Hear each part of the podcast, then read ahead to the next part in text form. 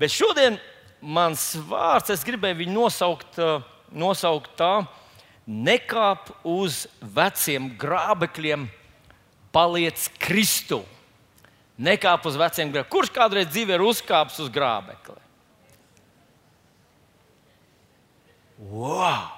Kurš nekad dzīvē nereizes nav uzkāpis uz, glābe, uz grābekli un nezina, kas tas ir? Elizabete. Elizabete, tu, ne, tu esi pamaigi, tu Sigitāri esi pamaigi. Mums vajag kādu vīriešu cilvēku, kurš nekad nav. Nu, rekur viens puisis, nāc, lūdzu, atnāc šurp. Uh, ja pareizi atceros, tev vārds bija Mario. Pareizi? Nē, Mario palika sēdēt. Uh, Jānis mums tūlīt palīdz. Jūs gribētu redzēt, kas notiek ar cilvēku, kurš uzkāpj uz grābekļa. Mi, piedod, Nik, šodien man nav lēcas, un, un es nevarēju tevi atpazīt. Tu būsi virsotnē, Nik. Es, vai tu esi gatavs? Mums te būs nolikti, jā. Sāksim ar plasmas un pēc tam ar, ar, ar, ar dzelzi. Tā, ļoti labi. Vārds, ko viss, kas tev ir jāizdara, Nik, jāpēc druskuļi atpakaļ, jāiztaisa acis ciet, pilnīgi ciet acis. Un tev ir vienkārši jāiet, kad pirmoreiz būs blīkšķis, neapstājies, dodies tālāk. Jā. Pagaidi, pagaidi, es tev došu komandu. Nu, tātad tu vari droši tagad doties uz priekšu.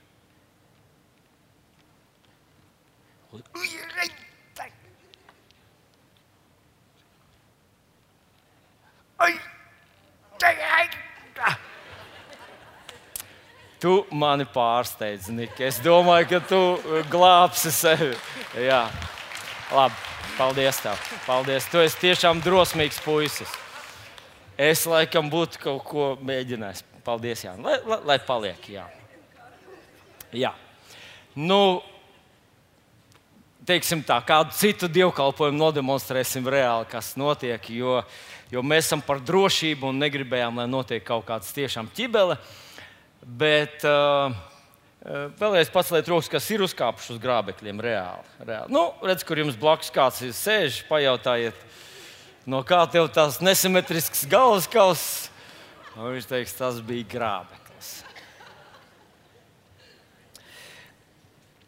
Uh, šodien, protams, es negribētu runāt par fiziskiem grābekļiem, lai gan tas ir nepatīkami uzkāpt uz īsta grābekļa. Es gribētu runāt par kļūdām, kuras ir pielaiduši cilvēki ilgi pirms mums, un mēs atkal esam kārdināti tādas pielaist. Nu, starp citu, ir skumji, bet tu redzi, ka vectēvs uzkāpa uz tā paša grābekļa, mācīja savam dēlam, lai tas nekāpj.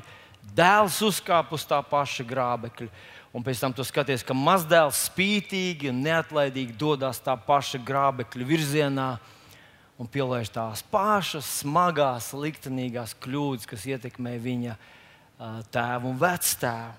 Un tas ir ļoti skumji. Ja bērni spētu noticēt, ka viņu vecāki nav vienkārši vecmodīgi, bailīgi vai tehnoloģijās atpalikuši, bet ka vecāki tiešām ir pieredzējuši to un runā ļoti bieži no savas konkrētas, personīgās pieredzes un mīlestības un uzticētos saviem vecākiem, viņi nepielaistu liktenīgas kļūdas. Nu, Bībelē uh, apelsīns Pāvils 1. vēstulē korintiešiem 10. nodaļā, 11. pantā runā par vecās derības Izraēlu, un tad viņš saka tādus vārdus.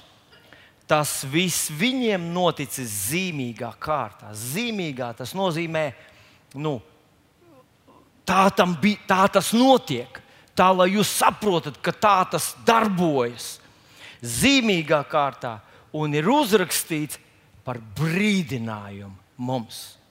Par brīdinājumu mums ar tevi, kas esam nonākuši pie laika beigām.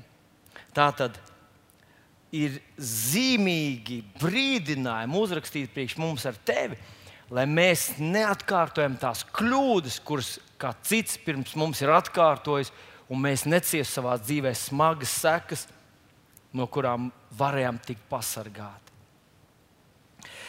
Uh, tā pirmā ļoti zīmīgā uh, zīmīgie grābekļi vai zīmīgās paralēles, par kurām apelsīns Pāvils arī runā, ir uh, vēstule Eveziešiem.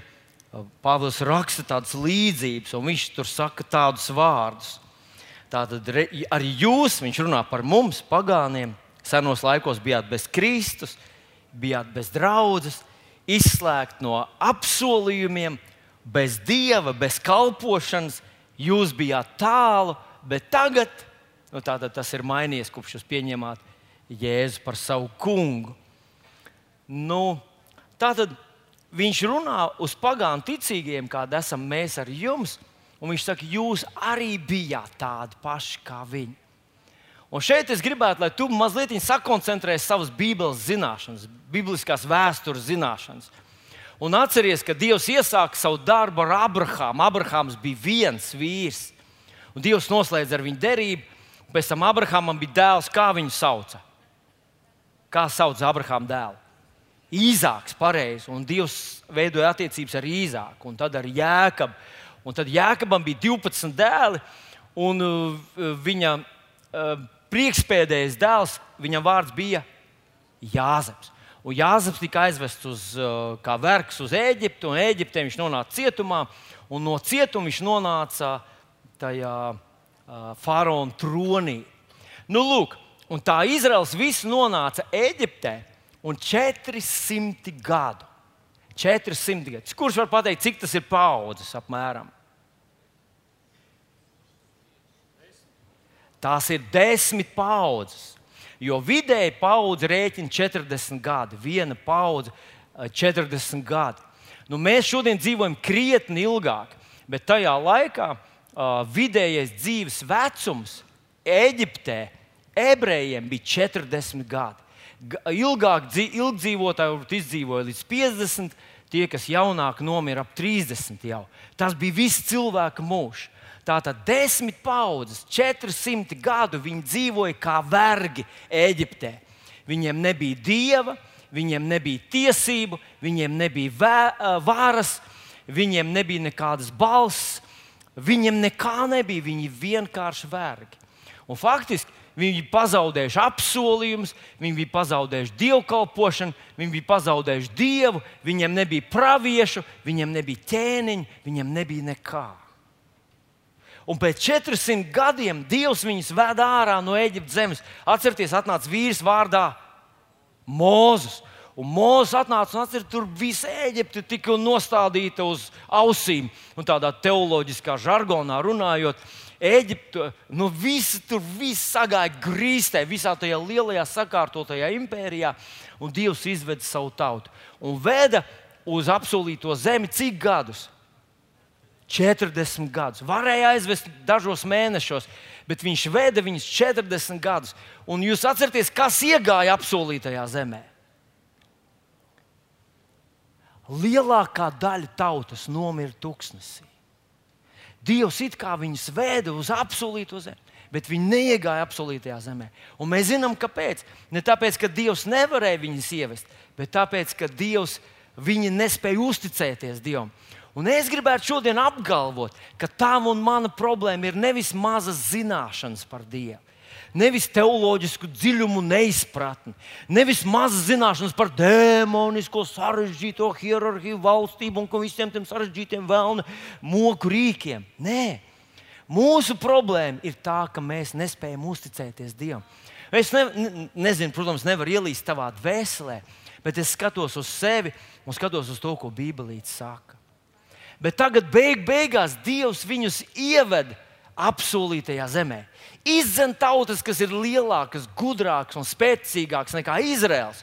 Nu, iedot katram savu uh, dzimtas īpašumu, katram savs kalns, katram savu māju, katram savs dārziņš, katram savs lauks, kur viņš var audzēt vīnogas, vai kviešus, miežus, vai kaut ko, vai lopkopību nodarboties. Beigu beidzot, viņi ir tajā vietā, ko Dievs Eh, runāja par mieru vietu. Beidzot, viņiem ir dieva nams, beidzot, viņiem ir kalpošana, beidzot, viņiem ir uh, uzrakstīta bauslība un uzrakstīts derības. Beidzot, viss tas, kas viņiem nebija, nu viņiem ir. kā jūs domājat, vai Izraels bija apmierināts?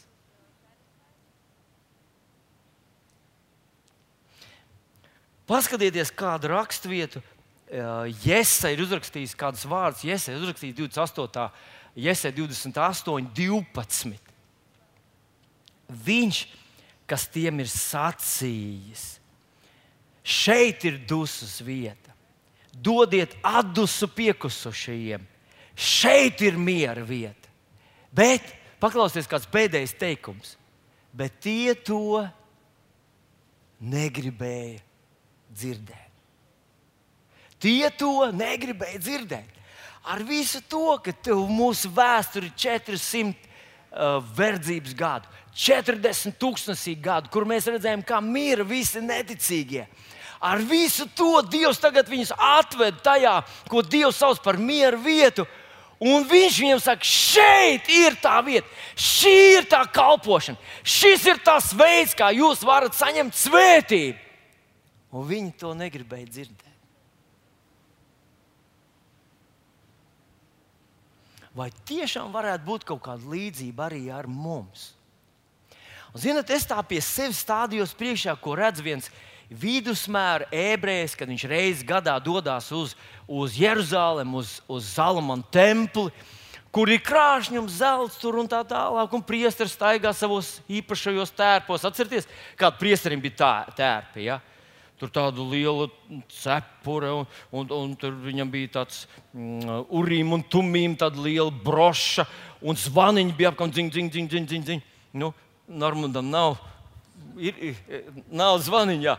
bet iedomājieties, tu, tu kaut kur tur esi, un pēkšņi dzirdi, dziņ, dziņ, dziņ, dziņ, dziņ, dziņ, dziņ, dziņ, vilnis nāk.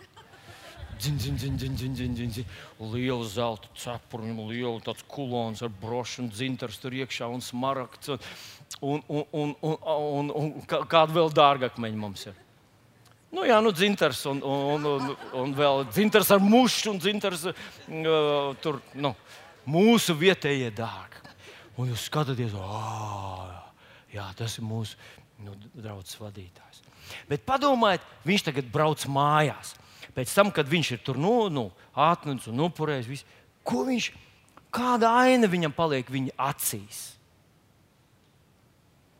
Nu, kas bija, kad viņš aizgāja? Ko viņš redzēja tur? Kad visa tauta sanāca reizes gadā Jeruzalemē. Ko viņš tur redzēja? Asinis. Asins plūdi straumē. Un priesteri pamatā, augsts priesteris tur iegāja vienreiz gadā, tur pašā tajā, tur, kur neviens nebija bijis nekad. Bet pamatā priesteri visi staigāja tādiem lieliem durvīm, nažiem, visādi asins tecināšanas rīki, tur bija dedzināšanas, pičkas un, un, un, un viss kaut kas. Viņi tur kāva dzīvniekus, kāva upurus par grēkiem. Un es atnācu uz to, uz to, nu, uz to atvedu savu govi, to tur nokāpu, pusi sadedzināju, priesteris kaut ko pievāca, un man palika arī kaut kāds cīpslēns gabals, tur, ko mēs nu, ģimene apēdām. Un tagad viņš iet uz mājām un pie sevis domā, viss, ko viņš redzēja, kā deg lopu ādas, lopu iekšas, kā tek asins, kā bļauj govis, kurām nu, nu, tas skats nebija tāds pacilājošs. Jūs piekritīsiet man? Un, ja tu aizmirsti, kāpēc, ja tu aizmirsti nu, visu to dziļāko būtību, vispār tu gāji mājā. Nāc šurp, smaržo pēc franču smaržām, tagad ej mājā pēc deguma, viss pievilcies neko tas tā dižan un, un neasociējās. Un man nav brīnums, ka aizgājis mājās tāds vidusmēra izrēlietis aizmirsa par visu to, ka tas par grēkiem, ka mēs esam grēcīgi, ka Dievs ir svēts. Un tādā veidā Dievs nesoda mūs, bet soda tos mūsu dzīvniekus, mūsu vietā, ka tā ir milzīga Dieva žēlastība. Ka mēs nevis no visu dievu panteons, panteons ir tā tāds milzīgs saraksts ar visiem dieviem, bet viens dievs, ka tas ir īstais. Ka tas nav uz laiku, ka tas ir vienīgais dievs. Tā, tā, viņš to visu aizmirst. Viņam radās tāda nostalģija pēc kaut kā apgarota, pēc kaut kā tāda, nu, tāda, nu, jūs saprotat, kaut kā inteliģenta, Pēc kaut kādas būdas, kur sēž tāda liela apaļa vēdra un smaida. Un, un, un viss, kas tev jādara, ir tulpi, pušķīts vai, vai vienkārši tur nu, kaut kādas tādas uh, darbības jāizdara. Tāpēc viņi negribēja, viņi, Dievs teica, šī ir tā vieta, un viņi nepieņēma to. Viņi to nepieņēma. Viņi to negribēja dzirdēt. Mans šķiet, ka ir ļoti vietā pastāstīt par tādu interesantu pieredzi, kas bija man manā bērnībā. Tie, kas jūs kādreiz esat bērni bijuši, un jūsu ģimene dodas lasīt ogas, ir kāds kādreiz piedzīvojis to. Šodien Eiropā tas ir aizliegts, jo tā ir bērnu tiesības, eh, nu, pārkāpšana, emocionāla vardarbība un vēl viss kopā. Bet manā laikā bija tā, ka vecāki vienu vienu tādu ne, vasaras otrā pusītē pēkšņi izdomāja, ka viņi dosies ogās. Un teica, visiem jābūt laicīgāk mājās, mēs braucam ogās. Tas bija forši, jo parasti ogošana beidzās ar peldēšanos kaut kādā vietējā, kaut kādā tur tajā ūdens tilpnē. Bet jūs varat iedomāties, kā tas ir bērnam doties melnēs, piemēram. Bērni, kurš ir lasījis melnēs, paceliet rokas. Nē, jūs ar mani gadu gājumu cilvēku. Es runāju par bērniem, pasliet rokas. Jūs esat lasījuši melnēs. Jums patīk puiši lasīt melnēs. Oi, tas nav tas gadījums. Labi. Nu, Ilze, kur tu esi? Atceries, ka mēs braucām melnēs? Nu, ot, ot. Nu, vispirms sākās tā, tas bija tāds izlūks, izlūk brauciens. Aizbraukt, paskatīties, vai tur ir murja, uz murjāņiem, vai tur ir rogas. Un mēs tā aizbraucam, zinot, doties izlūkos ir patīkami. Tu dodies tur, lec par kokiem, skrien tur. Un, un, un saka, te nav ogas. Labākais, kas priekš manis varēja būt, ogu nav. Ogu nav, pavisam maza sazūšas. Dosimies, mums bija vēl viena vieta, māmiņa, es neredzu. Nu, a, jā, tur bija ka, kaut kur citur. Dodamies uz to. Ir rokas. Ir. Vilni Un tad labākais, ko es varēju dzirdēt, ir aiziet, paskaties, vai tur, aiz, aiz, nu, tur tāda pļaviņa, vai tur arī ir. Hu, es uzreiz metu skriet uz to pļaviņu, aizēju tur, skatos, ir. Es atskrienu atpakaļ pie vecākiem, saku, ir tur rokas. Viņi saka, bet te arī ir. Nu, tad ej tur un lasi. Ziniet, ja ir rokas, viņas ir jālasa. Jūs nezināt, es kādreiz mūsu laikā biju aizliegts tas melniņš, šitais. Tagad iet depo, tur katrā rokā pa kombinām un, un dragāt. Neviens vairs ne, nekontrolē. Toreiz tas bija aizliegts. Un tas bija, tas bija mokas eksekūcija. Tev iedod vienu litru burbuļu, pielas litru burbuļu. Un tu tādu lasi, lasi, lasi. Tas otrā elpa jau tev. Lasi, mute melna, rokas melnas, krekls melns, lasi, lasi tās. Pielas! Vēl, vēl bija e, triki, kas jums iemācīšu. Ja tu visu laiku kratā būtu tās ogas nosēžās, tad pirms tam rāda mammai, tu tā viņas apgriez otrādi. Un tad lēnītēm atgriez atpakaļ un aiznes pie mammas, salasīja. Un tu domā, viņa teiks, nu, labi, tad vienkārši dzīvojas brīvi. Nu, tad viņa flu! Kopējā spaini iemēra un teica, lasi vēl.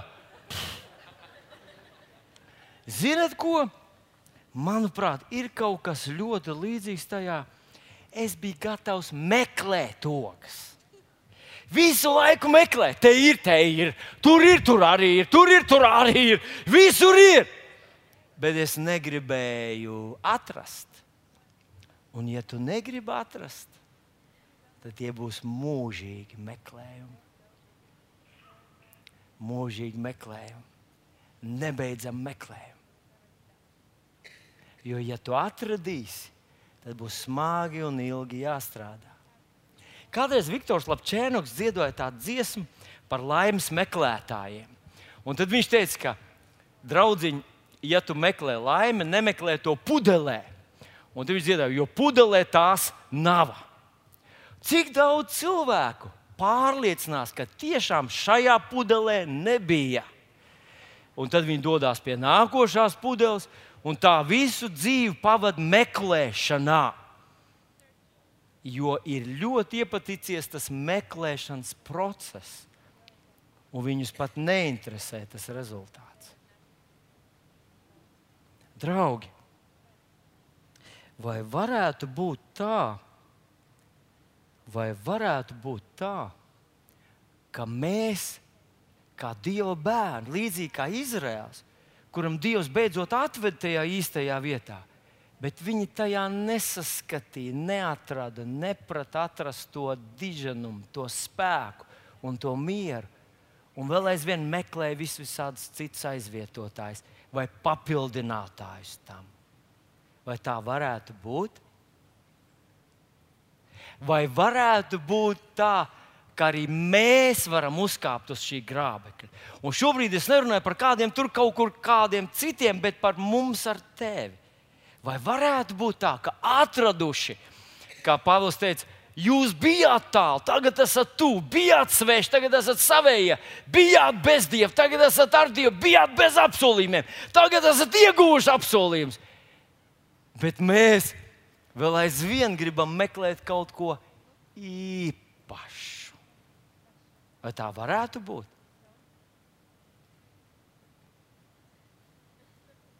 Lielākā daļa no jums izskatāties tā, ka vilni uh, nezinu, par ko tu runā.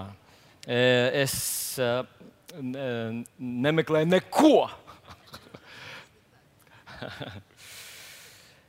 Paklausieties, kā apelsīns Pāvils to saka vēstulē Timotejam, 3. nodaļā, 7. pāns. Viņš saka tādus vārdus, ka ir cilvēki, kuri vienmēr mācās un nekad nevar nonākt pie patiesības atziņas. Ir cilvēki, viņš runā par pēdējiem laikiem, kas vienmēr visu laiku mācīsies.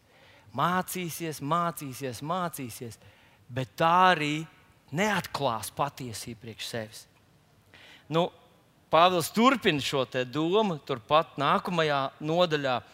Un, cet, 2. Timoteja 4. nodaļa, 3. un 4. pāns, paklausieties, kā skan. Jo nāks laiks, kad viņi nepanesīs veselīgo mācību, bet uzkraus sev mācītājs pēc pašu iegribām, kā no ausis niez. Katrs mācītājs ir pārliecināts, ka viņš tas nav. Katrs mācītājs pārliecināts, ka viņš ir tas, no kā visi grib izvairīties. Bet tie citi ir tie, tie, nu, tie ausu, ausu nie, niezinātāji vai kutinātāji. Jā. Um, labi, es neapgalvošu šodien to pašu, bet paklausieties. Tātad viņi vairs nepatiks veselīgā mācība, viņi meklēs kaut ko, kas ir patīkams, novērsīs audis, ausis no patiesības un piegriezīsies pasakām. Piegriezīsies pasakām. Bet tu paliec skaidrā prātā visās lietās, paciet ļaunumu, dari evanģēlista darbu, izpild savu kalpošanu līdz galam.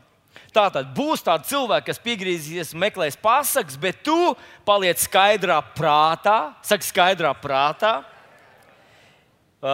paciet ļaunumu, dari evanģēlista darbu, izpild savu kalpošanu līdz galam.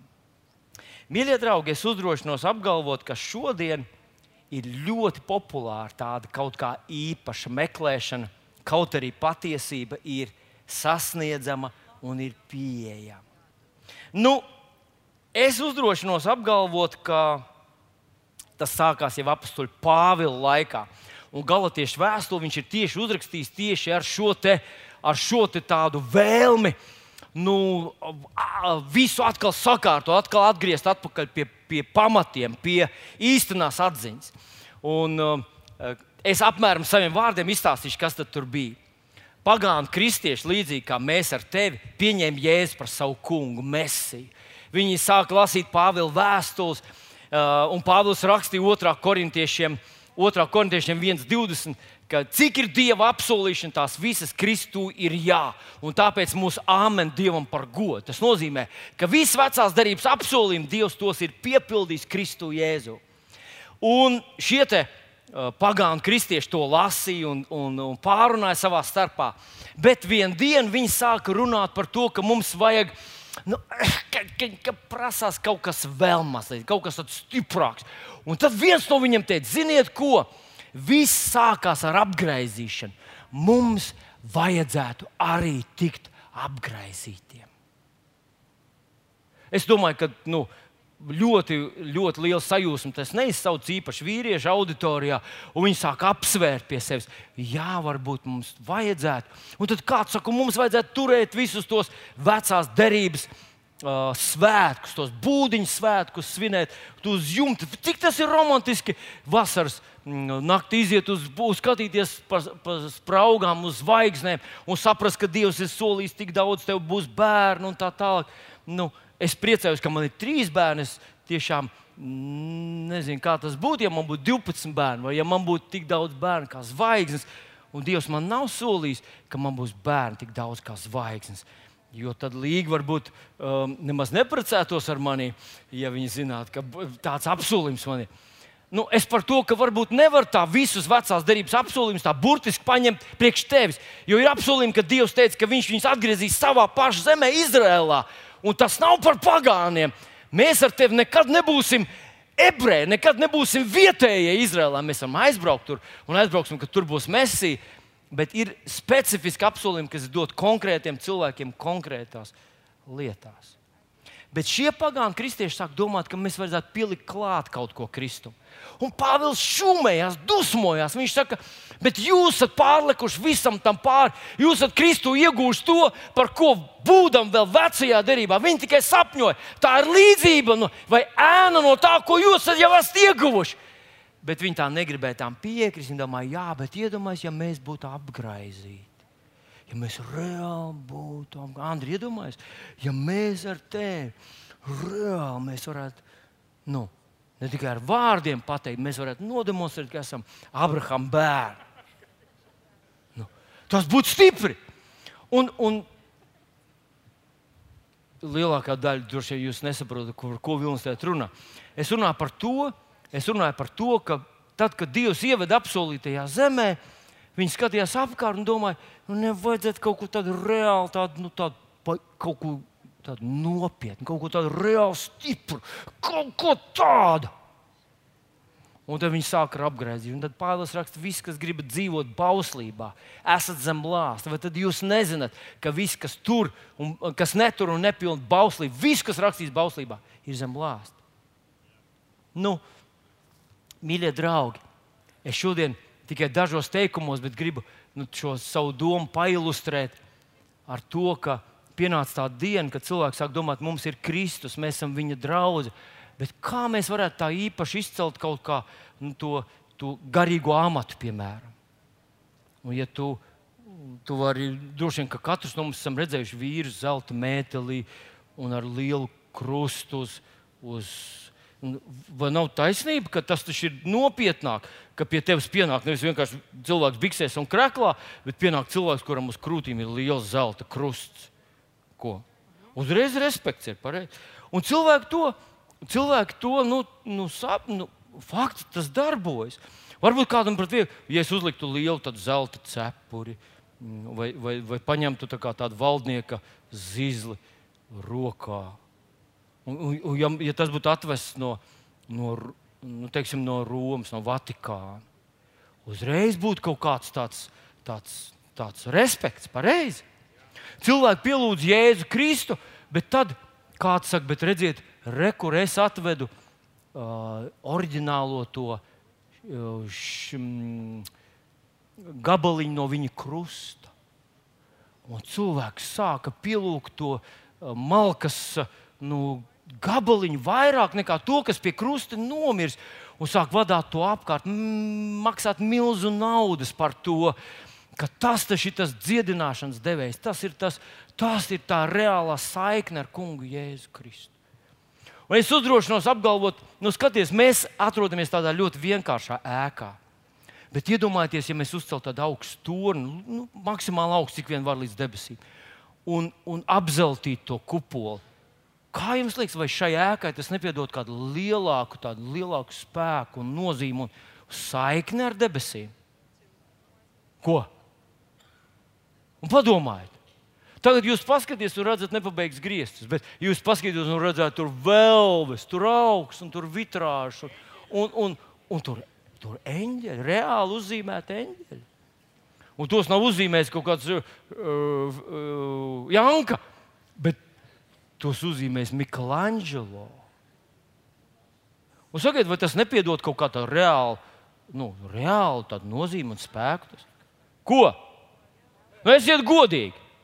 Skaidrs, ka wow, kas to zīmē? Miklāņģelo. Viņš te paņēma mūsu kaimiņu mm, slaucēju kā modeli, bet viņai tāda apgarota seja bija tajā mirklī. Kādreiz tas tā ir, ka vietējais, vietējais Kārlis tika uzzīmēts svētbildē, un, un, un, un saka, kopš viņa uzzīmēja, ja, tam piemīt kaut kāda īpaša nozīme. Ko es ar to gribu teikt? Es ar to gribu teikt, ka šodien mēs esam tikpat ļoti kārdināti nesaskatīt un neiedziļināties tajā Dieva dotajā spēkā, gudrībā, tajā Dieva dotajā mierā un žēlastībā, bet meklēt kaut ko īpašu, kaut ko tādu, kas, kas patiešām darbojas.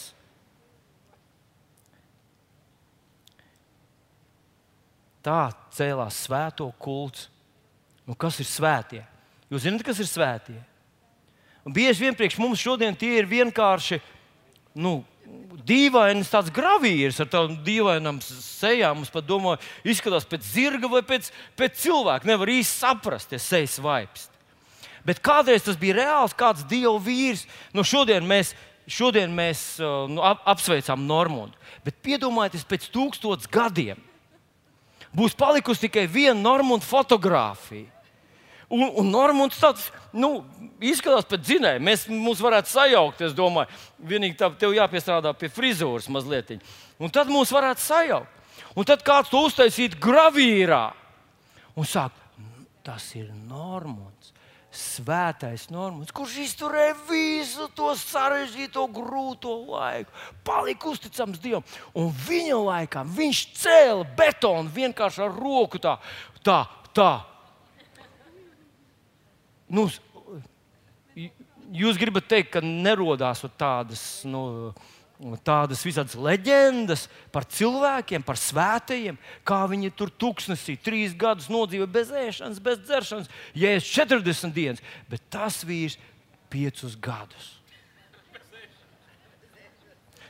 Es mazliet ironizēju šodien, bet manuprāt, vēlēšanās pielikt Jēzum, Kristum vēl kaut ko klāt, izsauktu Pāvila dusmas.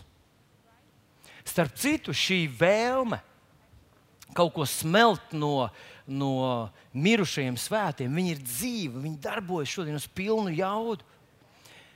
Es biju kādus gadus atpakaļ, es biju Ukrajinā. Es neatceros vairs, kas tā pa pilsētu bija. Bet tur bija vienā klosterī, kurā dziļas katakombas apakšā zem tā klostra. Un mēs iegājām tur vienkārši kā tādi ekskursanti. Un, zinat, un ik pa laikā aiz katra pagrieziena ir, ir kāds tāds koka kaste, kā zārciņš, kuram ir stikls pa virsmu, kurš ir noskūpstīts. Tur ir tūkstošām lūpu virsū nospiedumu uz tā. Un tur ir kāda šāda vai tāda kalibra svētā, vai mūķenes, vai mūka, vai, vai, vai kāda cita svētā pīšļa. Un cilvēki, es redzēju, cilvēks, kurš knapi var paiet pa taisnu gabalu, lien iekšā tajās katakombās un skūpsta katru no tiem, tiem nu, zārciņiem ar domu. Ka tur nāk dziedinošais spēks, un tur tiek stāstīts, tas gids stāsta visādas leģendas, ka Bots bija cilvēks ar neārstējumu slimību, un viņš te pri, mm, prilažilsa, tad, kad viņš lietoja to vārdu, prilažilsa k mašām svitīgi и получил чудесное исцеление. Un, man liekas, ak, Dievs, tur ir, tur ir infekcija perēklis. Vislielākais infekcija perēklis, ja jūs aizbrauksiet uz Jeruzalem un tur palīdīsiet apakšā zem altāra, kur visas pasaules cilvēki apmainās ar siekalām. Tur ir nu, tā kunga kaps, kur ir. Ja? Tas kungs sen ir augšām cēlies bet viņi skūpsta to akmeni, kur tur esot, it kā tajā vietā esot bijis. Un ziniet, kas tas ir? Tas nav nekas cits kā tā pati vēlme, kad Dievs aizved Izraelu uz apsolīto zemi un teica, šī ir tā kalpošana. Bet viņi gribēja vēl kaut ko meklēt īpašāku. Viņi meklēja kaut ko lielāku, nozīmīgāku un stiprāku. Un starp citu, mums būs viesi no Bēteles. Bet, ja jūs uh, paskatīsieties YouTube, ir vieta, kur kur Bens Fidžerals, piemēram, stāsta, ka viņš bija aizbraucis ar, ar, ar jauniešu bariņu uz, uz uh, Smita Viglsforta kapu vietu. Un tur viņš stāsta, ka daži no mūsu jauniešiem apģērba to viņa kapa pieminiektu, uzgulās tam virsū un sajūta tādu dieva svaidījumu. Viņš vēl aizvien darbojas. Un mēs to saņēmām. Un tad viņš saka, un tagad mēs to sūtām jums. Saņemiet to viņa Smita Viglsforta ticību, Smita Viglsforta svaidījumu. Un es saprotu, ka tas ir Tas nav vēlmes visus sačakarēt. Tas tā nav vēlme pārsvītrot Jēzus nopelnu. Tā ir vienkārši tāda sajūta, ka Jēzus tas ir labi, tā ir grēka piedošana. Jēzus tas ir labi, tā ir uh, mūžīgā dzīvība. Bet šeit virs zemes mums jāpaņem no, no svētajiem.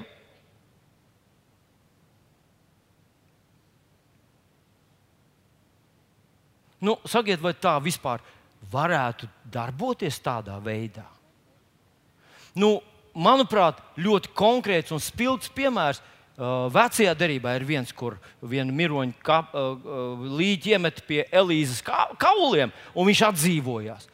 Bet, ziniet, tas tā ir starp citu uzrakstīts, no tāda teoloģija iztaisīt. Nedrīkst un nevar. Bet vispilgtākais gadījums bija Mozus un Jozovs.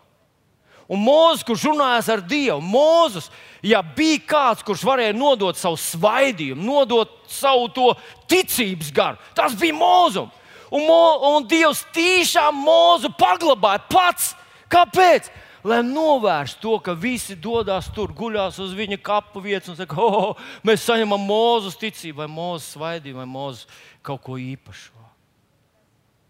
Tas ir mirušo kults. Un tad Dievs Jozom ļoti konkrēti saka, Mūzus, mans kalps ir miris. Viss. Viņš beidz savu kalpošanu. Viss tas ir beidzies. Vecajā darbā vispār vienīgais, kurš drīkstēja pieskarties nomirušajam cilvēkam, bija viņa tiešie ģimenes tuvinieki, bērni un dzīves draugs. Vairs neviens cits nedrīkst aizskart, tas ir nešķīst. Neskarieties tam klāt. Un Es šodien to saku tāpēc, ka tas ir dzīves un tas nāk arī pie mums. Nu, vienā no, no ļoti populārām, spilgtām, stiprām uh, draudzēm, ka mēs viņu tā varētu nosaukt, kur ir ļoti spilgti, stipri runātāji. Jūs paskatieties slavēšanas vadītāju, kad viņš iznāk priekšā. Tad uh, viņa rokas ir notetovētas. Visas zilas, visas. Es pieņemu, ka tur ir ielikās reliģiska, uh, reliģiska tematika. Tur iespējams, ka ir ebreju valodā uzrakstīta visa apsolījuma, visa Bībeles apsolījuma. Ja viņam kādreiz nebūs Bībeles, viņš var mierīgi pacelt padus un izlasīt tur viss, kas ir uzrakstīts. Jā. Nu, tas varbūt es esmu staigājošs Bībeli. Bet zinat ko?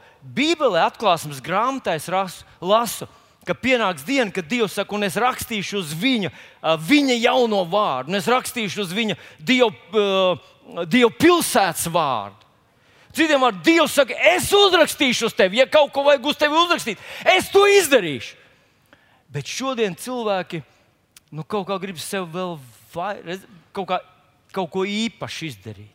Un to jau es Dievam devu savu dvēseli, devu savu sirdi, bet vēl gribas ādu arī atdot. Un tad, un tad nu, uzrakstīt šeit kaut ko svētus Dievam, mīlu Jēzu. Bija viens brīnišķīgs brālis, kamēr viņš bija neticīgs, viņš bija tīrs, bet tad lēnām viņam bija.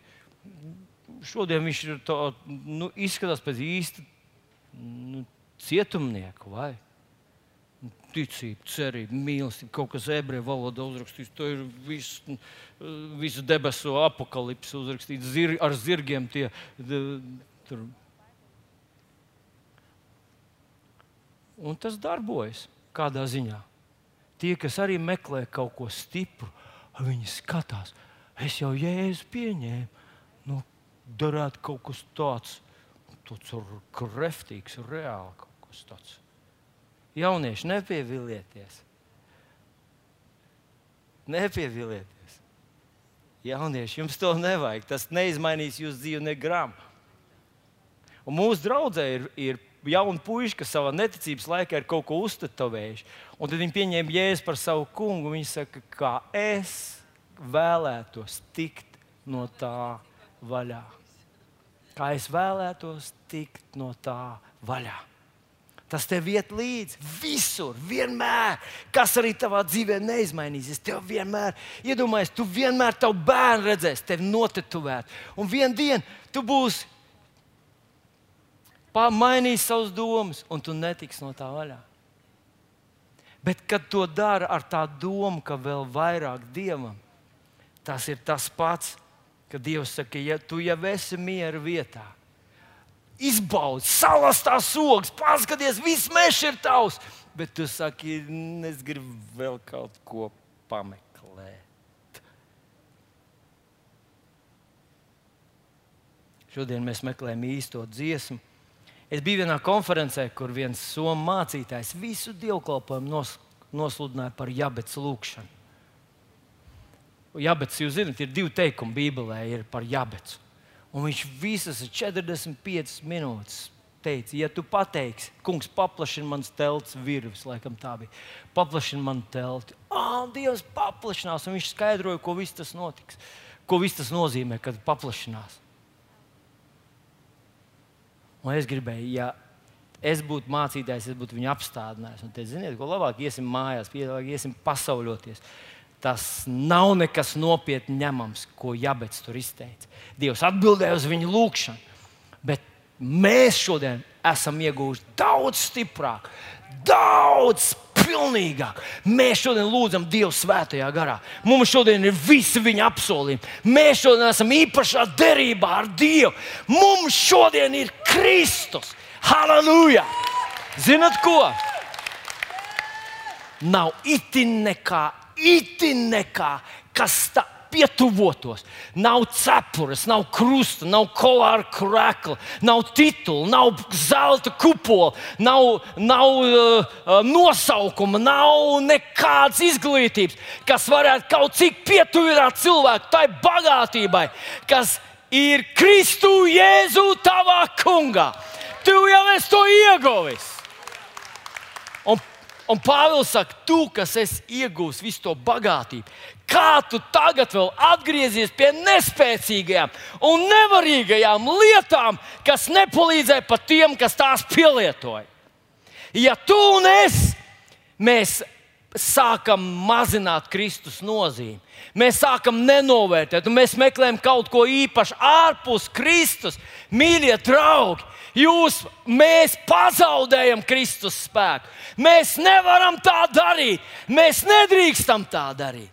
Kristus ir lielākais, spēcīgākais, varenākais, un viņam miti neko nevajag pielikt klāt. Un ļauj man atgādināt tikai dažas rakstu vietiņas. Kolosiešiem 2, 9, 10. Viņā mājo visa dieva pilnība miesā. Viņā arī jūs esat kļuvuši pilnīgi, jo viņš ir galva visām varām un visiem spēkiem. Paklausieties! Viņš ir visa dieva pilnība. Ne Mozus ir visa dieva. Starp citu, par Mozu lielāks bija Jānis Kristītājs. Ja es teicu, nav neviens, kurš dzimis no sievām, kurš būtu lielāks par Jānu Kristītāju. Bet Jēzus ir nesalīdzināms pārāks par viņu. Viņā jūs esat kļuvuši pilnīgi, jo viņš ir galva visām varām un spēkiem. Atcerieties, Efeziešiem 3, 17, 19 rakstvietiņu, kur mēs visi zinām no galvas, kuru gribam iemācīt. Ļoti stipra, ļoti, ļoti pamācoša rakstvietiņa. Un tur ir rakstīts tā, un lai Kristus jums ticību turot, mājot jūsu sirdīs, kā viņš mājo, kad mēs turam ticību. Un jūs iesakņotos un stipri stāvētu mīlestībā, ka līdz ar visiem svētajiem jūs spētu aptvert, kāds ir platums, garums, augstums un dziļums, un izprast Kristus mīlestību, kas ir daudz pārāk par katru atziņu, un ar to piepildīt, iegūtu visu Dieva pilnību. Ievēro, tur nav rakstīts, ka tu izteici lūgšanu, ka tu jau visas iegūsi un visas saprati. Tur rakstīts, lai jūs spētu aptvert platums, garums, augstums un dziļums. Kristus mīlestības platums, garums, augstums un dziļums. Tas ir kaut kas tāds, ko tu nevari aptvert. Un viņš saka, ka tu to aptvers, tu iegūsi visu Dievu pilnību. Paklausies vēl. Kolosiešiem 2, 6, 7. Un, un, un tas ir rakstvietiņā, ar kur mēs tūlīt nobeigsim šo manu uzrunas daļu. Tad nu Kristu jēzu pieņēmuši, dzīvojiet viņā, sakņodamies viņā, augdami viņā, stipri kļūdam ticībā, kurā esat mācīti, pāri plūzdam savā pateicībā. Man ļoti gribētos sadalīt, man liekas, ka šis pants, kolosiešiem 2, 6, 7, viņš ir tas, kurš parāda visu to kristieša dzīves uh, gājumu, kristieša dzīves saturu. Un tad viņš sāk ar to, tad nu Kristu jēzus pieņēmuši dzīvojiet viņā. Ko nozīmē dzīvot Kristu? Nu, manuprāt, ļoti, ļoti uzskatāms piemērs ir, padomājiet, zivis dzīvo ūdenī. Un ūdens ietekmē visu zivs dzīvi. Kad viņa uh, dodas uz skolu, viņa to dara ūdenī. Kad viņa veido attiecības ar kādu, viņa to dara ūdenī. Kad viņi veido nākotnes plānus, tas viss ir ūdenī. Kad zivs domā par ceļojumu uz kaut kurien, viņi rēķinās ar ūdeni. Tam būtu jābūt līdzīgam. Viss tavā dzīvē, viss tavā dzīvē, viņš ir Kristus. Un Kristum ir kaut kas, ko par to teikt, ko pielikt klāt. Visur Kristum ir atbilde uz katru tavu situāciju, uz katru tavu problēmu. Kristum ir viedoklis par visu tavā dzīvē. Un viņš tik dzīvo Kristu. Un tad viņš to saskalda pa, pa tādiem, pa tādiem frag, fragmentiem. Vispirms viņš saka, iesakņojies viņā. Iesakņojies viņā. Ies, pirms tu kaut ko dari, pirms tu teiksim, dodies ceļojumā Vispirms tu esi aprunājies ar kungu Jēzu, un tu esi drošs, ka viņš ir ar tevi. Tu esi drošs, ka viņš ir. Nevis tu viņu nostādi faktu priekšā un es dodos tur, un, un, ja tu gribi, ja tu apsolīji doties ar mani, tev jābrauc man līdzi. Bet tu vispirms iesā, iesāki ar viņu. Par tavu dzīves ceļu, par tavu dzīves gājumu, par visu, visu tavā dzīvē. Un es atceros, es biju tāds jauns, uh, jauns dievu bērns. Man vecāki man no bērnības vadīja, un mēs bijām iesaistīti draudzes dzīvē. Es gribu teikt, ka, ja e, tavs bērns vienkārši tavā mājās ir saistīts kaut, ar kaut kādām kristīgām grāmatiņām un ģimenes to altāru, tas ir stipri, bet tas vēl nav viss. Tev vajag iesaistīt savu bērnu draudzes dzīvē. Un tu kādreiz vari pielikt, pielikt piepūli, tu vari viņu vadīt, ie, ievadīt, lai viņam kristiešu draugs, lai viņš draugi, lai, viņš, lai viņam ir kaut kāda pienākuma, lai viņš uzaug draudzē. Un es tāds biju. Un, zinot, mūsu laikā nerunāja ne par daudziem aspektiem, vispār nerunāja par cilvēku dzīvi. Un viens no tiem, par ko vispār nerunāja, draudzē, nelūdza, nekad nepieminēja, ir par to, ko darīt jaunam cilvēkam pēc vidusskolas. Es biju pabeidzis astoto klasi, un es nezināju, ko darīt. Es vienkārši visu savu brīvo laiku pavadījām lūkšanās un, un, un, un draudzē. Un kāds varētu teikt, nu, re, pa spundi barots un muca audzes, baznīca audzes un pa spundi barots. Un ko tad man darīt? Un, zinot, vienā, vienā reizē mēs braucam no dievkalpojuma mājās, un tramvajā stāv blakus ar vienu vīru. Viņš jau bija toreiz nu, tādos nu, cienījumos gados, kurš bija uh, mediķis. Viņš nebija doktors, bet viņš bija felšers. Viņš pabeidza bija felšers skolu. Viņš visu savu dzīvi nostrādājis kā tāds ārsts. Šodien tu sauc par ārstu palīgu.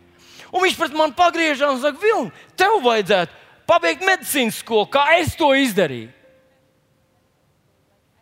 Un zinat ko? šis mazais teikums. Pim! Kā atklāsme, es zināju, ka Dievs man tikko pateica, kas man jādara. Es pabeidzu 9. klasu un aizgāju uz medicīnas skolu. Man patīk viss, ko es tur darīju. Man patīk būt kopā ar cilvēkiem, man patīk vākt, slaucīt strutas, man patīk asins apturēt, man patīk uh, taisīt uh, vis, visas tās. Ziniet, es pienācu cilvēkam tik tuvu, un jāsaka tā, mācītājs būdams, es pienācu cilvēkam vēl tuvāk nekā es esmu bijis slimnīcās pie, pie cilvēkiem, kas ir drūmās situācijās. Un es domāju, ka kaut kādu to, to ziniet, ka tev rauj korķis ceļās augšā, Dievs toreiz man izārstēja. Man to vajadzēs, viņš zināja. Un tas nebija man par to jādomā. Jālauz galvu, jāprasa 15 visādiem padomdevējiem, ko man darīt, ko man darīt, ko man darīt, testus aizpildīt.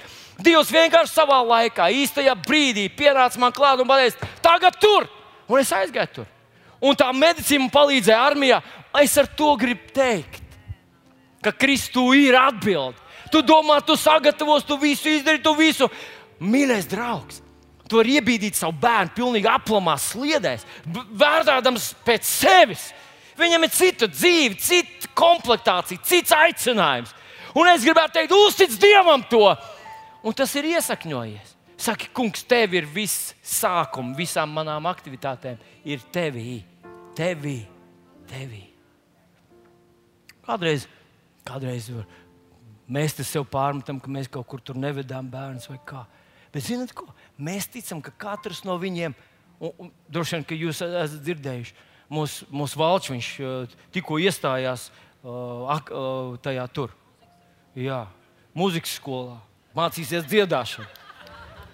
Viņš mācīsies dziedāšanu. Un, zinot, un mēs pie sevis drusku vajadzēja mums viņu bīdīt, varbūt kamēr viņš. Ko? Ko? Jā, un panāču. Un panāču. Mēs dodam Dievam godu un, un, un, un, vecākiem, un, un, un vairāk nekam. Jā. Ziniet, kāda ir, nu, jā, jūs tur to kalpošanu, kalpošanu, mūziku, kalpošanu, jūs bērni ir apdalīti. Un, un, un Valčam bija, viņš nebija augstāko, augstākā izglītība, viņam nav. Bet šajā pāris mēnešus atpakaļ viņš iestājās mūsu valsts mūzikas akadēmijā, budžetā. Un tagad viņš mācīsies pa valsts līdzekļiem, mācīsies dziedāt, pagodināt Dievu. Un cik es zinu no maniem personīgiem, tiem, tur, no personīgās informācijas, ka tā uzņemšanas komisija pasa, pasauc viņu iekšā un teica, paklausies, mēs gribētu, lai tu mācies. Mēs redzam, ka tev ir materiāls. Tas, tas ir kaut kas labs, kas tev ir. Mēs gribam, lai tu to dari. Un es, es, es pareizi pateicu. Paldies, Dārgais! Paklausieties, ko es ar to gribu teikt? Saknes. Iemācies saknes ielaist Kristu. Nevis sākt uzreiz ar āboliem, bumbieriem un, un, un, un uh, arbūziem, bet ar saknēm. Ielaid savus saknes Kristu, un Viņš izvadīs tevi. Uh, tu nenokavēsi, citi varbūt nokavēs, tu nenokavēsi, tu atradīsi savu vietu, tev izdosies, tev sanāks. Un beigās tas atskaites punkts ir beigās, tu paskatīsies atpakaļ un teiksi, kungs, wow! Es to necerēju, bet paskatās, kā tas viss sakārtojās un notika. Iesakņojies viņā, audz viņā. Žēl mums nav kas par šodien, bet mums ir divi brāļi. Viens ir Matīs. Matīs ir šodien, Matīs nav. Arī nav. Bet mums ir vien, divi brāļi. Viens ir tāds, otrs tāds. Viens paklausītam, audz, otrs atteicis. Zinat, ko ir kristieši, kas pēc 20 gadu staigāšanas ar to kungu nav izauguši? Viņi ir tādi paši bērni. Kā grūtības, tā viņi visi met zemē, es nevaru palūdzēt par mani. Es vairs nevaru izturēt. Tas ir jādarbojas, nekas nedarbojas. Un, un, un, un, nu. Pieauguši cilvēki zina, ka ātri viss notiek tikai pasakās. Pasakās viss notiek ātri. Un reizēm ir jāiztur un jāizstāv. Pieaudz. Un tad man patīk, stipri kļūdam ticībā. Ticība ir laba, tu lieto ticību labi, bet paliec stiprs viņā. Stiprs ticība. Kas ir stiprs ticībā? Pāvils raksta korintiešiem, ka, ja man būtu pilnīga ticība, ka varētu kalnus pārcelt.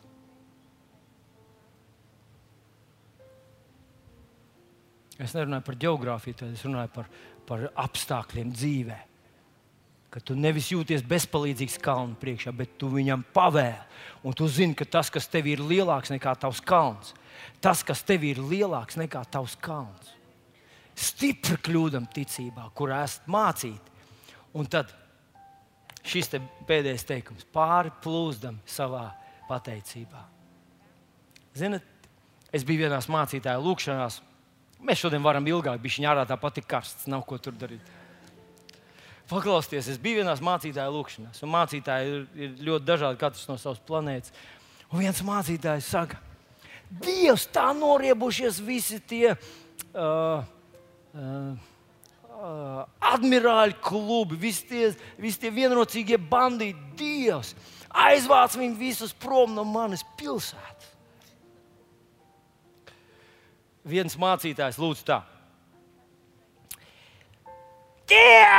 Dievs!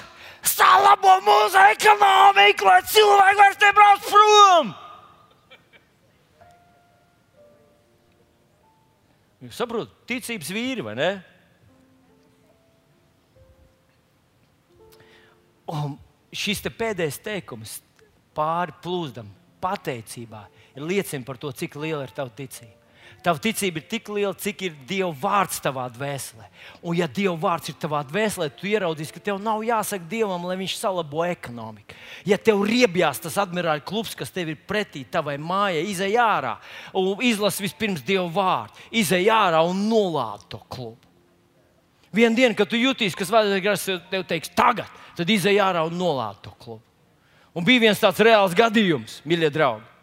Bija reāls gadījums, kad viens ticīgs cilvēks, draugs pāri ielai, bija admirāļu klubs. Nu, varbūt ne admirāļu klubs, bet kaut kas no tām az azartspēles, kur spēlē. Nu, lūk, un tā draudzene apsauc to un saistīja un nolādēja to biznesu. Viņš te nevar notikt. Un nobankrutēja tas iestādījums, un viņi iesūdzēja draugu tiesā. Un tagad viņi nonāk tiesā, un tiesnesis, tas, tas admirāļu kluba īpašnieks, tagad uh, stāsta, o tā es gribēju biznesu palīdzēt valstī un, un, un, mm, maksāt nodokļus, un ticīgie nolādēja manu klubu, un mans klubs nobankrotēja, viņi ir vainīgi pie maniem zaudējumiem. Un, un tagad tiesnesis pagriežas pret mācītāju un saka, mācītāji, ka, kas pa lietu? Un tas mācītājs saka, mīļie draugi, 21. gadsimts, jūs tiešām ticat tādām pasakām, ka, ka mēs varam nolādēt kaut ko un tas tiešām nokalst. Un tad tas tiesnesis saka, tā.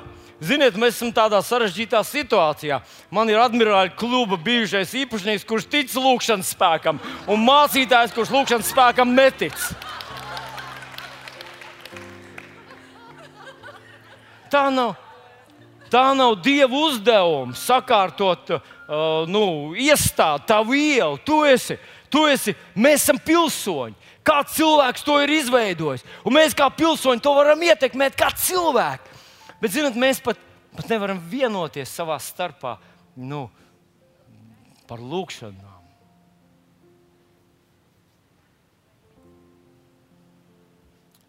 Pateicībā, Kungs, paldies Tev! ka tu esi man svētījis. Paldies, tev, ka es esmu debesu pārstāvs. Paldies, tev, ka man ir dots pilnvars. Paldies, tev, ka to, ko es saistu, tas ir saistīts. Un tas, ko es atraisu, ir atraisis. Un es atraisu svētību savai ģimenei.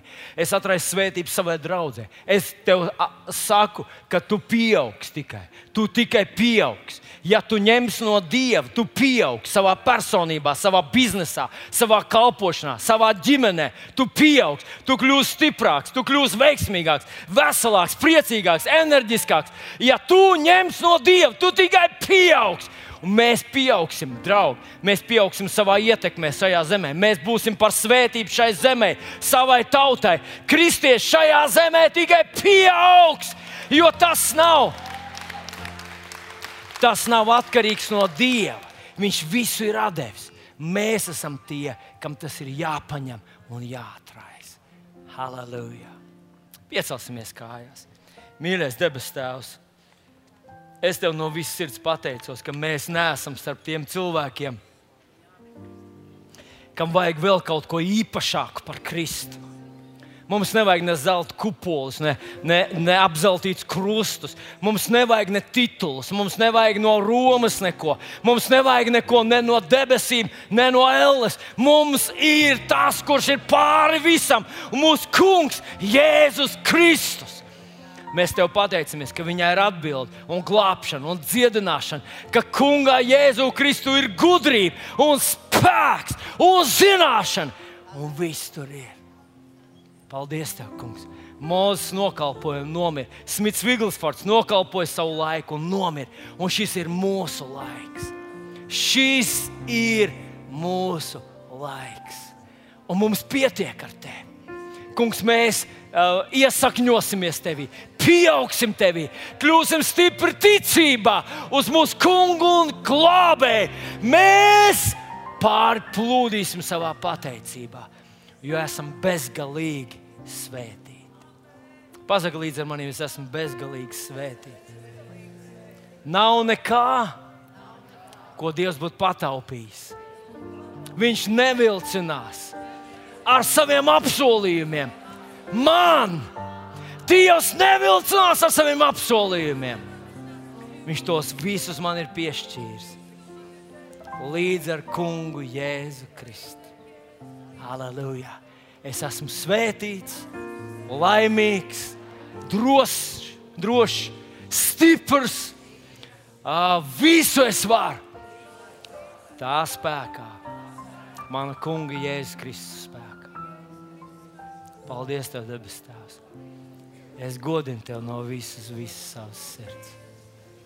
Godinu Tev! Halleluja!